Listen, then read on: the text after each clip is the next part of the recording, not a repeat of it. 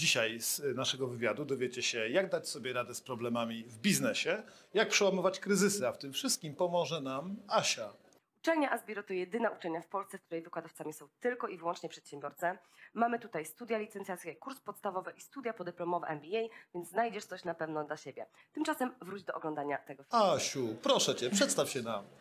E, Nazywam się Joanna Węglarz i jestem psychologiem, psycholożką. Tak naprawdę mogłabym bardzo długo mówić o sobie, bo robię różne rzeczy, natomiast no, ogólnie mogłabym powiedzieć, że podsumowując, pomagam ludziom lepiej zrozumieć samych siebie i działać skuteczniej. Mm, ekstra. Jak się robi na tym kasę? No trzeba mieć e, swój pomysł i siłę przebicia, no i wtedy można tak naprawdę zrobić kasę na wszystkim. No dobrze, a jakbyś mogła tak podać takie kluczowe obszary psychologii, które warte znać w biznesie? Yy, Ja uważam, że nie samą psychologię, tylko w biznesie bardzo ważna jest znajomość siebie i tego, jakie się ma ograniczenia i jakie się ma mocne strony. I to jest taki banał. Jak to mówię, to sobie myślę, że to jest taki banał, który z drugiej strony jest bardzo trudny, że czasami ta, te banały są najtrudniejsze do przyswojenia, bo czasami robimy wszystko, żeby uciec od siebie i robimy różne rzeczy, żeby nie myśleć o sobie, żeby się nie skupiać na, na tych naszych ograniczeniach, albo staramy się komuś coś udowodnić. Natomiast ym, widzę to i w pracy z różnymi osobami, moimi klientami, współpracownikami i w swoim życiu, że im bardziej człowiek się zaczyna przyglądać sobie, tym tak naprawdę e, lepiej sobie radzi i bardziej znajduje odpowiedzi na różne pytania, więc im jestem starsza, tym mam bardziej poczucie, że no, odpowiedź na wiele pytań jest w nas i że tak naprawdę my czasami szukamy e, na zewnątrz u różnych mentorów, mądrych książkach, a czasami trzeba posłuchać swojego ciała i swojego umysłu i naprawdę jak, jak, jesteśmy często bardzo mądrymi ludźmi i wiemy bardzo dużo mądrych rzeczy, tylko trzeba sobie zaufać. Hmm, ale to łatwo, łatwo powiedzieć, s- słuchać, siebie, y, słuchać siebie, słuchać zespołu. Nikt tego w szkole nas nie uczy. Czy potrzebujemy takich mentorów, takich wyznaczników, drogowskazów na swojej drodze biznesowej i życia, jak twoja firma? Tak, tak. Uważam, że potrzebujemy i że bardzo często też ludzie nawet nie wiedzą tego, że tego potrzebują, nie wiedzą, że mogą o to prosić.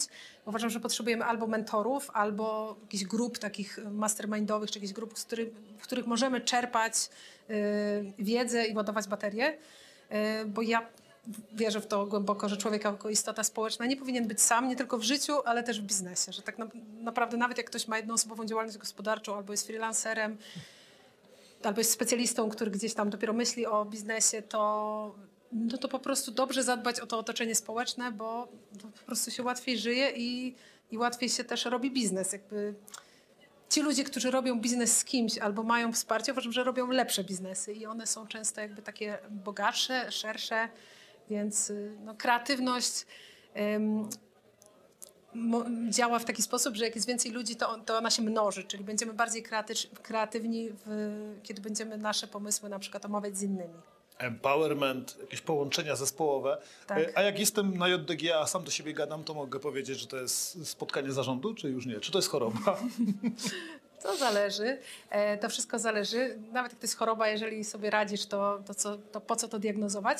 E, Nie, tak, tak poważnie mówiąc, to może wystarczyć, ale bardzo często rozmawiam z przedsiębiorcami, którzy mówią, że w pewnym momencie czują się osamotnieni, szczególnie jak wywodzą się z takiej rodziny, gdzie nikt nie ma działalności, gdzie nawet czasami y, rodzina, przyjaciele albo podcinają skrzydła, albo na przykład narzekają na szefa. Idziemy na jakieś spotkanie i wszyscy mówią, a ten szef i, a, a my jako przedsiębiorcy sobie myślimy, no ale teraz na kogo ja mam narzekać tak naprawdę? Albo ja znam tą drugą stronę i ja rozumiem, dlaczego twój szef tak y, sobie może myśleć, bo, bo, bo, bo jakby ta strona jest inna. I w tej samotności czasami potrzebujemy kogoś, z kim możemy omówić różne swoje problemy, trudności. A, a tego na pewno nikt nie uczy. I tego myślę, że przedsiębiorcy się często boją, bo bardzo jest często taki lęk, który jest powszechny, a który tak naprawdę jest mało prawdopodobny, że się ziści, że No. jak pójdę do kogoś, to ta osoba mi ukradnie pomysł.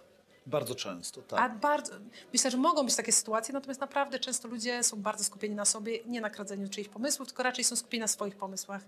Więc ym, no, ja No istnieje, nie wiesz co, wydaje mi się, że istnieje różnica między znajomością drogi, a podążaniem nią. Mhm. No i na takiej drodze właśnie stoją na, na początku rodzice. Oni mogą chwycić nas za rękę i poprowadzić do tej, czy do przedsiębiorczości, czy do szczęśliwego związku, czy budowania swojego trybalizmu i zespołu.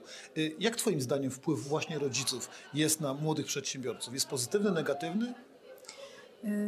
No to, to zależy, co ci rodzice mówili, bo bardzo często pierwsze takie doświadczenia z ważnymi osobami, czyli z rodzicami, wpływają na nasze przekonania na temat samych siebie, na temat świata i na temat innych ludzi. Czyli albo zakładamy, że ludzie są dobrzy, można im zaufać, świat jest sprawiedliwy i ja jestem ok, albo zakładamy, że ludziom nie można ufać, że tak naprawdę każdy chce mnie oszukać, że w świecie liczą się, nie wiem, em, jakieś em, szemrane interesy, albo każdy, jak ktoś jest bogaty, no na pewno ukradł.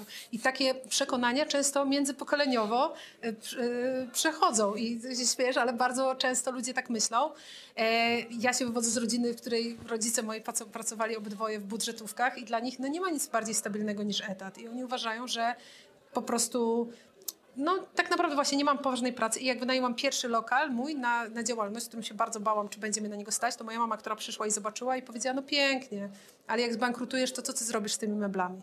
O właśnie, oni nie rozumieją, że bycie to- pasywnym Tak. tworzy pasywnych ludzi. Tak, Tak, i to nie jest tak, że moi rodzice mnie nie wspierają, że mnie nie kochają, tylko oni po prostu nie rozumieją tego. I myślę, że to jest też problem, że często, jeżeli nasi rodzice funkcjonowali w innych czasach, w innej rzeczywistości, mieli inne cele, to po prostu nas nie mogą rozumieć i w pewnym momencie musimy stać się dorośli i odciąć się trochę od tych doświadczeń dziecięcych, przestać udowadniać coś rodzicom. Bardzo wiele działań O, tak. jest, udowadniamy rodzicom, albo chcemy, yy, albo idziemy tą drogą, którą nam rodzice wyznaczyli, czyli zamiast podążać swoim celem, no to za swoim celem po prostu myślimy sobie, dobra, no dobra, może jednak posłucham mamy, taty, bo może mają rację, nie? Asia, a w drugą stronę, jak widzimy, jesteśmy już dorosłymi przedsiębiorczyniami, przedsiębiorcami, widzimy y, dzieciaka swojego, czy musimy zmuszać go do tego, żeby zakładał swoje firmy, czy trzeba pozwolić dziecku na swoją własną drogę? Jak sądzisz?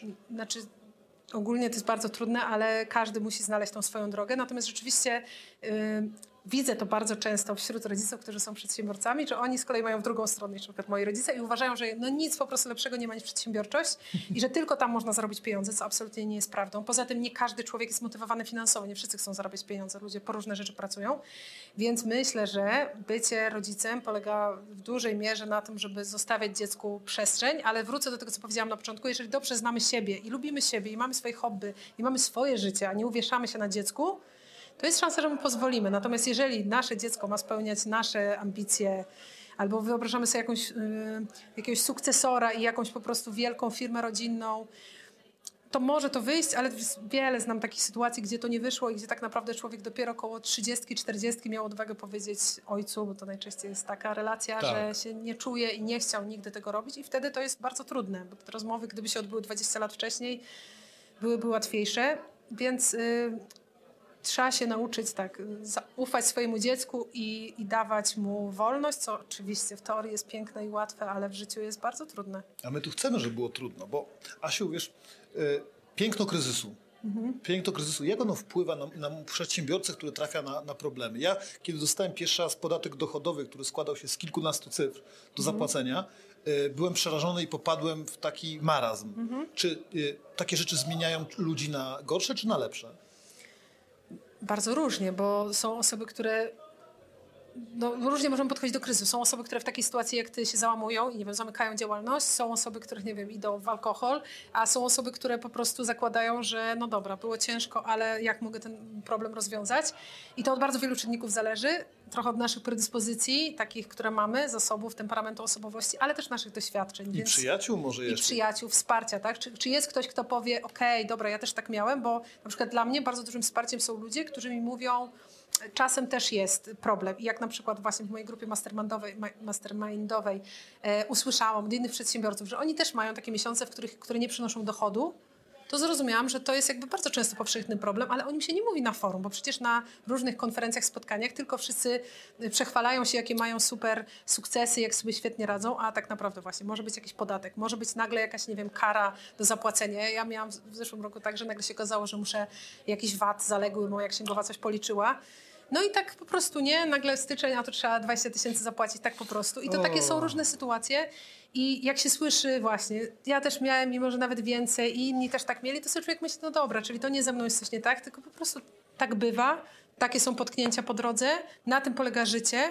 Przedsiębiorca to jest też osoba, która ryzykuje. No, kto nie ryzykuje, nie pije szampana, ale kto nie ryzykuje, też nie ma potknięć po drodze. No we więc jakby- wronkach nie siedzi, albo w rawiczu. No, Więc można powiedzieć, że receptą na kryzys dla młodych ludzi będzie y, plemienność. Mamy Mhm. Tak. swoich ludzi, przyjaciół, mamy swojego wodza, mentora i towarzystwo, które pozwoli nam w sytuacji zarówno kryzysowej y, podnieść się, ale też jest się z kim cieszyć, bo chyba Tak. po to się też spotykamy. Robimy to po coś. Tak. tak ostatnio, jakby już zamykając nasze spotkanie, powiedz mi, po co ty to wszystko robisz, Asia? Y, Mnie zawsze bardzo motywowało y, to, że robię rzeczy, które sprawiają mi przyjemność i podążam w mojej em, świadomej karierze zawodowej, bo na początku tak trochę poszłam, jak rodzice y, mi, mi drogę wyznaczyli, ale od kiedy się przebudziłam i zaczęłam robić swoje rzeczy, to podążam ze swoimi pomysłami, pasjami e, i takimi inspiracjami, czasami bardzo szybkimi. Natomiast bardzo też lubię edukować i lubię kiedy ludzie dzięki mnie mają w oczach coś takiego, że zrozumieli i że widzę jakby, że ich życie się staje lepsze, więc no mam też takiego misjonarza, trochę lubię zmieniać świat i uważam, że świat powinniśmy zostawić trochę lepszym miejscem i każdy inaczej ten świat będzie, jakby każdy ma inne zadanie w tym świecie. Ktoś go posprząta, e, ktoś go, e, nie wiem, zurbanizuje, ktoś będzie działał w jakiejś tam branży, nie wiem, IT, a ja po prostu działam w branży międzyludzkiej i sprawiam, że ludzie Mam nadzieję, że po kontakcie ze mną funkcjonują trochę lepiej i bardziej wykorzystują swój potencjał. I za każdym razem, kiedy mi się to udaje, to się bardzo cieszę, bo uważam, że spełniłam swoje zadanie. A gdzie cię możemy znaleźć w internecie? Co musimy wklepać? E, moje imię, nazwisko, czyli joannawęglarz.pl i tam jest też odnośnik do różnych moich stron i tego, co ja robię, bo robię bardzo różne rzeczy i nagrywam podcast i mam dwie firmy, ale tam jest jakby serce wszystkiego, więc tam można poczytać więcej o mnie. Link też zostawimy w opisie. Bardzo, ale to bardzo ci dziękuję. Dziękuję bardzo.